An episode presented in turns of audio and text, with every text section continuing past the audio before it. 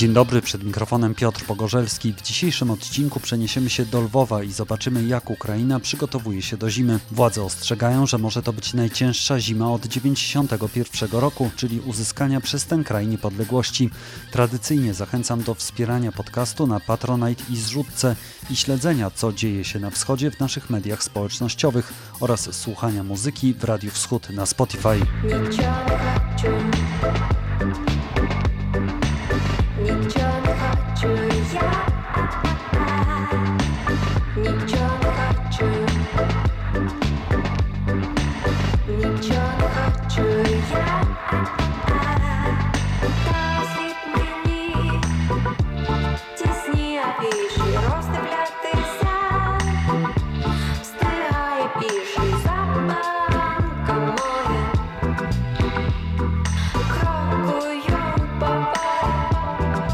Moim gościem jest Katarzyna Łoza, Polka mieszkająca od 18 lat w Lwowie i autorka książki Ukraina, Soroczka i Kiszone Arbuzy. Dzień dobry. Dzień dobry. Zaglądam na stronę lwowskiego portalu Zachit.net i czytam z jednej strony porady, jak przeżyć zimę bez prądu, gazu i wody, ale z drugiej są informacje o tym, że w mieście będą budowane nowe, nowoczesne przystanki autobusowe i tramwajowe i w ogóle teraz jest najlepszy czas na kupno nowego mieszkania. I mam takie wrażenie, że ta wojna i normalne życie już współistnieją w Lwowie, że mieszkańcy jakoś się do tego przyzwyczaili. Czy tutaj te ostatnie ataki rakietowe tego nie zmieniły? No oczywiście to jest tak, że życie to jest żywioł i nie da się go tak zatrzymać po prostu z dnia na dzień.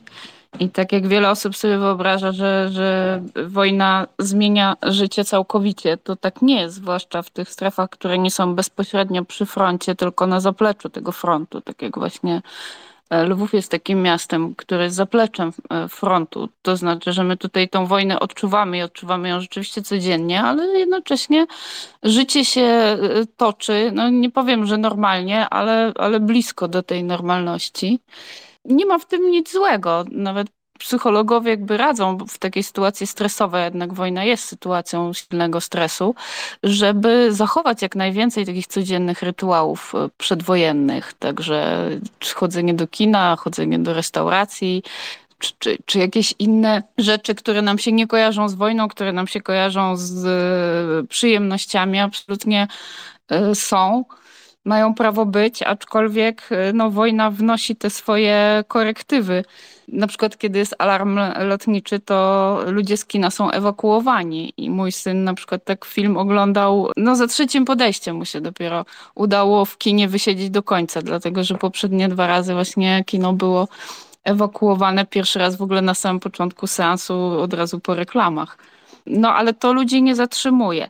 No i rzeczywiście te ostrzały, które były 10 października, bardzo ludziom mocno przypomniały o tym, że jednak e, nie ma w Ukrainie miejsc bezpiecznych i że te rakiety dolatują również e, tutaj i do nas co jakoś specjalnie tej sytuacji czy, czy, tego trybu życia też nie, nie zmieniło na chwilę, tak? ponieważ były przerwy w dostawach prądu, nie było łączności, y, nie można się było dodzwonić przez kilka godzin, nie było internetu, także to, to chyba było coś takiego, co dawało poczucie zagrożenia, kiedy jesteś odcięty od informacji, bo żyjemy w takich czasach, że jesteśmy przyzwyczajeni do tego, że jesteśmy informowani na bieżąco, a tutaj nagle się ta informacja tak urwała i nawet nie wiedzieliśmy jakby co się w Lwowie dzieje dokładnie, gdzie, jakie rejony są ostrzelane. Ja mam w ogóle wrażenie takie, że jest taka duża kurtyna informacyjna, to znaczy, że jednak bardzo Ukraińcy się pilnują z tym, żeby nie przekazywać za dużo informacji, na przykład o tym, co zostało zniszczone. Jest tak, aczkolwiek to jakby to dotyczy głównie informacji też z frontu i to mm, ma swoje uzasadnienie. Na przykład strona ukraińska już na samym początku powiedziała, że nie będzie podawała strat, strat w ludziach, na froncie ze względów psychologicznych. Tak? To, to wpływa też bardzo na to, jak y, społeczeństwo mm, się czuje i wiadomo, że w takiej sytuacji, no, kiedy walczymy, kiedy idziemy do zwycięstwa, bardzo ważne jest morale. Bardzo ważne jest to, żeby ludzie nie padali na duchu. Y, ludzie też bardzo wspierają armię. Wolontariusze, y, różne takie ruchy oddolne, zbieranie pieniędzy, ale też organizacyjne różne kwestie są zapewniane przez, no, przez zwykłych ludzi, właśnie przez jakieś organizacje wolontariackie. Także ważne jest, żeby był ten duch walki, żeby ludzie wierzyli w zwycięstwo. Natomiast wszystkie takie właśnie przygnębiające informacje e, o tym, co zostało właśnie zniszczone, czy ile osób ginie e, codziennie, no wiadomo, że jakby wpływają na na osiadanie tego morale. A jaka teraz jest sytuacja w Lwowie? Czy nie ma problemów y, z prądem, z wodą, z internetem? Nie ma większych problemów w tej chwili. Te problemy były od razu po ostrzale. Bardzo szybko ta infrastruktura została naprawiona i, i doprowadzona do stanu używalności. Aczkolwiek no, cały czas się podkreśla, że jednak są duże zniszczenia, że w dużej mierze te sieci energetyczne bazują na jakichś łączach awaryjnych. E, więc to nie jest takie stabilne. No na przykład u nas w domu się nie zdarzyło, ale już u męża w biurze czasami prąd jest słabszy, spada to napięcie, zaczynają migać na przykład żarówki. No z tym się oczywiście da normalnie funkcjonować, ale mm, musimy oszczędzać na pewno i wiele osób sobie to bardzo wzięło do serca i rzeczywiście cały tutaj zachód Ukrainy oszczędza i zużycie prądu spadło właśnie od tych ostrzałów, także po prostu tych takich urządzeń domowych które zużywają dużo prądu, nie włączamy w, w godzinach szczytu to już jakby pozwala odciążyć te e, sieci elektroenergetyczne. No ale też mamy, myślę, że wiele osób e, właśnie po tych wydarzeniach zaczęło myśleć o tym, tak? A co jeżeli te dostawy rzeczywiście będą dłuższe, jeżeli one będą na kilka dni, jeżeli będzie zimniej, bo w tej chwili jeszcze nie jest tak zimno, jest około 15 stopni, także nawet to wyłączenie ogrzewania w domu na, na kilka godzin czy nawet na kilka dni jakimś nie, nie jest takim krytycznym. No ale co będzie, jeśli będą na przykład mrozy? I większość mieszkań w Lwowie, w tej starej części przynajmniej, jest ogrzewana gazem przez kocioł gazowy, który nie działa też bez prądu. On pobiera niewielką ilość prądu, ale jednak ten prąd y, musi być. Także wiele osób sobie kupiło takie małe akumulatory, powiedzmy, tak, które podtrzymują y, działanie tej instalacji właśnie tego kotła gazowego, dzięki czemu jest ciepła woda, dzięki czemu jest ogrzewanie. Drugim takim rozwiązaniem są też generatory, ale generatory to nie są raczej przeznaczone dla prywatnych mieszkań, no bo wiadomo, że to generuje spaliny, to jest hałas też, to jest dosyć duże, więc też nie wszędzie postawić. No są różne pomysły. Wiele osób kupiło drewno na zimę do kominków, czy, czy nawet do pieców, bo Lwów y, był przed wojną ogrzewany drewnem, węglem i te piece w wielu mieszkaniach cały czas funkcjonują, mimo że one były też przerobione okresie powojennym na gaz, to wiele osób ma takie piece, w których można nadal palić drewnem. My na przykład mamy takie piece, zostawiliśmy jako dekoracje. Nawet zastanawialiśmy się nad tym kilka lat temu, kiedy jeszcze w ogóle nie było mowy o żadnej wojnie, właśnie, że te piece jakby są cały czas podłączone do komina i w razie czego chociaż nikt nie myślał o tym w razie czego tak naprawdę to, to można by było w nich palić. Na szczęście nie było takiej konieczności. Na razie mam nadzieję, że nie będzie. No tak, ale to jest stara część Lwowa, też są ogromne blokowiska, jest na przykład Sychów. Jak tam sobie ludzie mają poradzić? Bo no, piecyk elektryczny nie pomoże, generator, tak jak sama mówiłaś, właściwie odpada. Tutaj chyba ten strach przed tą zimą jest, y, jest trochę większy, nawet większy niż na prowincji czy na wsi, gdzie właśnie można sobie poradzić nawet takimi metodami, jak ty mówisz. No, zdecydowanie. Jesteśmy mm, na tyle zaawansowani cywilizacyjnie, że ciężko sobie dajemy radę, tak? Gdyby, gdy, gdyby to się wydarzyło 100 lat temu na wsi podlwowskiej, to, to nikt by sobie nawet, nikt by nawet nie zauważył, tak? Że, że coś się stało, dlatego że jej ogrzewanie było we własnym zakresie dostępu też do informacji nie było takiego, tak że ludzie sobie jakby zupełnie, no radzili sobie. Teraz sobie nie radzimy, jesteśmy uzależnieni od tych właśnie dóbr e, cywilizacji. Natomiast e, no, miasto też ma różne pomysły na ogrzewanie ludzi. Między innymi zakupiło takie piecyki burżujki. To są takie małe piecyki też właśnie na węgiel albo na drewno, którymi można ogrzać jakieś pomieszczenie, tylko musi być e, też albo podłączenie do komina, no albo wyprowadzane też spaliny na zewnątrz. To nie jest też tak, że to, że to jest za darmo, bo to wspólnoty mieszkaniowe czy administracje budynków muszą taki piecyk kupić i też znaleźć miejsce, gdzie go zamontować. Też nie zawsze jest gdzie. No ale to jest jeden z pomysłów właśnie dla tych y, budynków takich wielomieszkaniowych, dla bloku, właśnie żeby znaleźć jakieś miejsce, czy to miałaby być klatka schodowa, czy, czy piwnica, tam gdzie zazwyczaj w tych budynkach się znajduje schron przeciwlotniczy i właśnie żeby jakieś jedno ogrzewa, ogrzewane pomieszczenie jednak w tym bloku było. Nawet y, niedawno się pojawiło, pojawił się taki pomysł, żeby w tramwajach te piecyki montować. No nie, nie wiemy po prostu jak to będzie wyglądało i stąd obawy też, tak? Ludzie starają się jakoś we własnym zakresie coś tam organizować, bo też jakby nie ma tutaj takiej dobrej tradycji jakby zaufania do tego, że władze się zaopiekują i, i zorganizują wszystko. Czy pojawiają się właściwie nowe grupy ludzi w Lwowie, na przykład ze wschodu, z centrum Ukrainy, którzy jadą na zachód, którzy wyjeżdżają teraz z kraju właśnie w związku z tą sytuacją? Czy może w Lwowie, nie wiem, wśród twoich znajomych też są takie pomysły, żeby może tę zimę przeczekać gdzieś za granicą? Nie, ja się nie spotkałam z takimi pomysłami. Raczej ci, którzy mieli wyjechać, to wyjechali.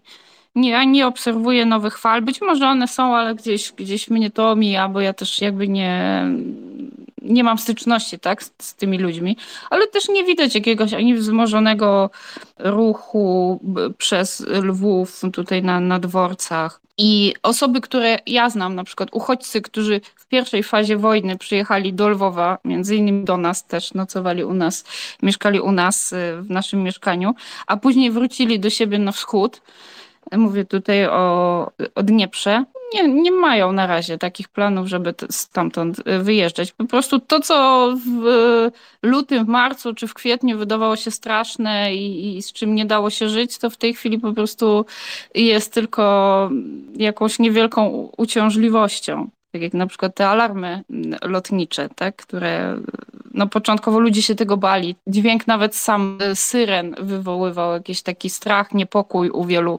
osób. No to w tej chwili już naprawdę spowszedniał i nie, nie widać jakichś strachu, paniki, nawet nie, nie wszyscy w ogóle reagują na dźwięki tych alarmów. Właśnie o to chciałem zapytać, czy po tych ostrzałach 10 października coś się zmieniło, czy ludzie bardziej zaczęli być posłuszni i rzeczywiście schodzić do tych schronów, bo ja pamiętam jeszcze w sierpniu, kiedy byłem w Zaporożu, tam był alarm i rzeczywiście zgodnie z prawem trzeba ludzi wyprowadzić z jakiejś instytucji, na przykład z banku czy ze sklepu, no ale ludzie wychodzili i po prostu stali na ulicy, nikt właściwie się nie chował. Czy te ostrzały, do których doszło ostatnio i właściwie cały czas dochodzi także w innych miastach Ukrainy, tutaj coś zmieniły? To nie jest tak, że, że na ulicach jest zupełnie pusto. Rzeczywiście część osób yy, schodzi do schronów. To jest też problem troszeczkę tego, że kiedy znajdujesz się na ulicy, to na przykład nie ma dobrego oznakowania, gdzie ten najbliższy schron się znajduje. Więc zanim się tam zorientujesz, gdzie on jest, to jest problem tak jakby z, z, z tą informacją. Na przykład y, w Lwowie y, są takie zasady, że kiedy zaczyna się alarm powietrzny, wszystkie środki transportu elektryczne y, stają czyli tramwaje na przykład, tak, czy trolejbusy i wysadzają pasażerów i właśnie pasażerowie powinni pójść do najbliższego schronu, no ale wychodzisz gdzieś po drodze w miejscu, którego zupełnie nie znasz i nie, nie wiesz, gdzie jest ten schron, więc właśnie tak wygląda, jak mówisz, że, że ludzie gdzieś tam stoją na ulicy, albo właśnie wyproszeni ze sklepu, czy wyproszeni z banku, czy wyproszeni z jakiegoś urzędu. Także to dochodzi troszeczkę do takich sytuacji absurdalnych. Podobnie też kawiarnie. Kawiarnie mają mm, zakaz obsługiwania klientów w środku, ale już na wynos mogą. Także dużo kawiarni jest otwartych. Można sobie na przykład kupić kawę w e, kubeczku papierowym, ale nie można w, w filiżance. Ale jeśli się z tym kubeczkiem papierowym usiądzie tam na miejscu, to też obsługa nie do końca ma prawo cię wyprosić, e, żebyś wyszedł na ulicę. Ja rozumiem, że nie ma jakichś kłopotów z zaopatrzeniem w sklepach. Nie, nie ma problemu z zaopatrzeniem. W ten dzień, kiedy było strzały, z racji tego, że nie było prądu, też dużo sklepów nie pracowało, no i wiadomo, że to, to był taki też e, moment, e, kiedy ludzie po prostu ruszyli do sklepów i wykupili pewne rzeczy, ale już następnego dnia jakby wszystko było i wszystko działało normalnie, więc tutaj jakby nie, nie odczuwamy jakichś braków. Natomiast powiem od siebie, bo ja akurat odczuwam, że skończyły się pewne e, produkty ukraińskie, do których byliśmy przyzwyczajeni od lat. Na przykład skończyła się ukraińska sól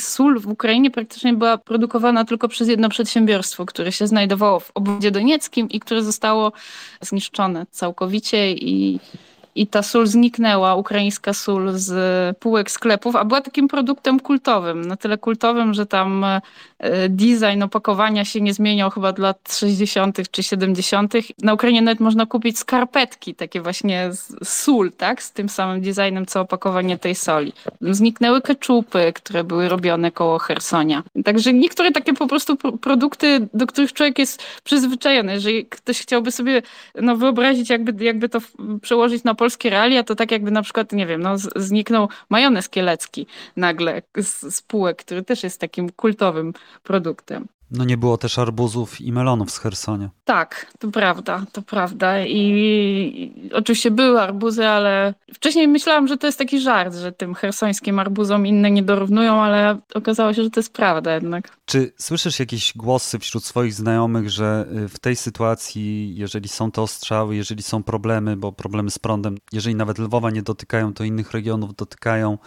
że może trzeba się dogadać z Rosjanami, może trzeba jakoś ustąpić, może przystąpić do negocjacji. Wczoraj był opublikowany sondaż Kijowskiego Międzynarodowego Instytutu Socjologii i tam aż 86% Ukraińców w ogóle odrzuca taką możliwość.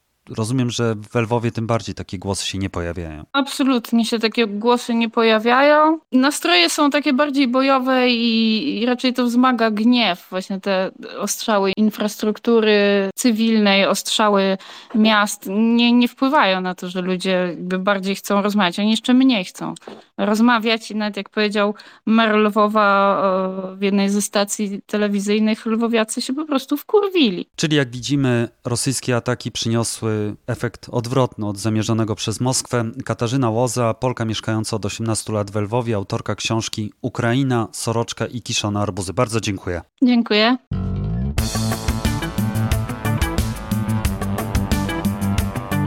To już wszystko w tym po prostu wschód. Jeśli spodobał się Państwu konkretnie ten odcinek, możecie mnie wesprzeć za pośrednictwem serwisu Buy Coffee. Dla stałego wsparcia polecam zrzutkę i Patronite. Linki w opisie. Do usłyszenia. Żegna się Piotr Pogorzelski.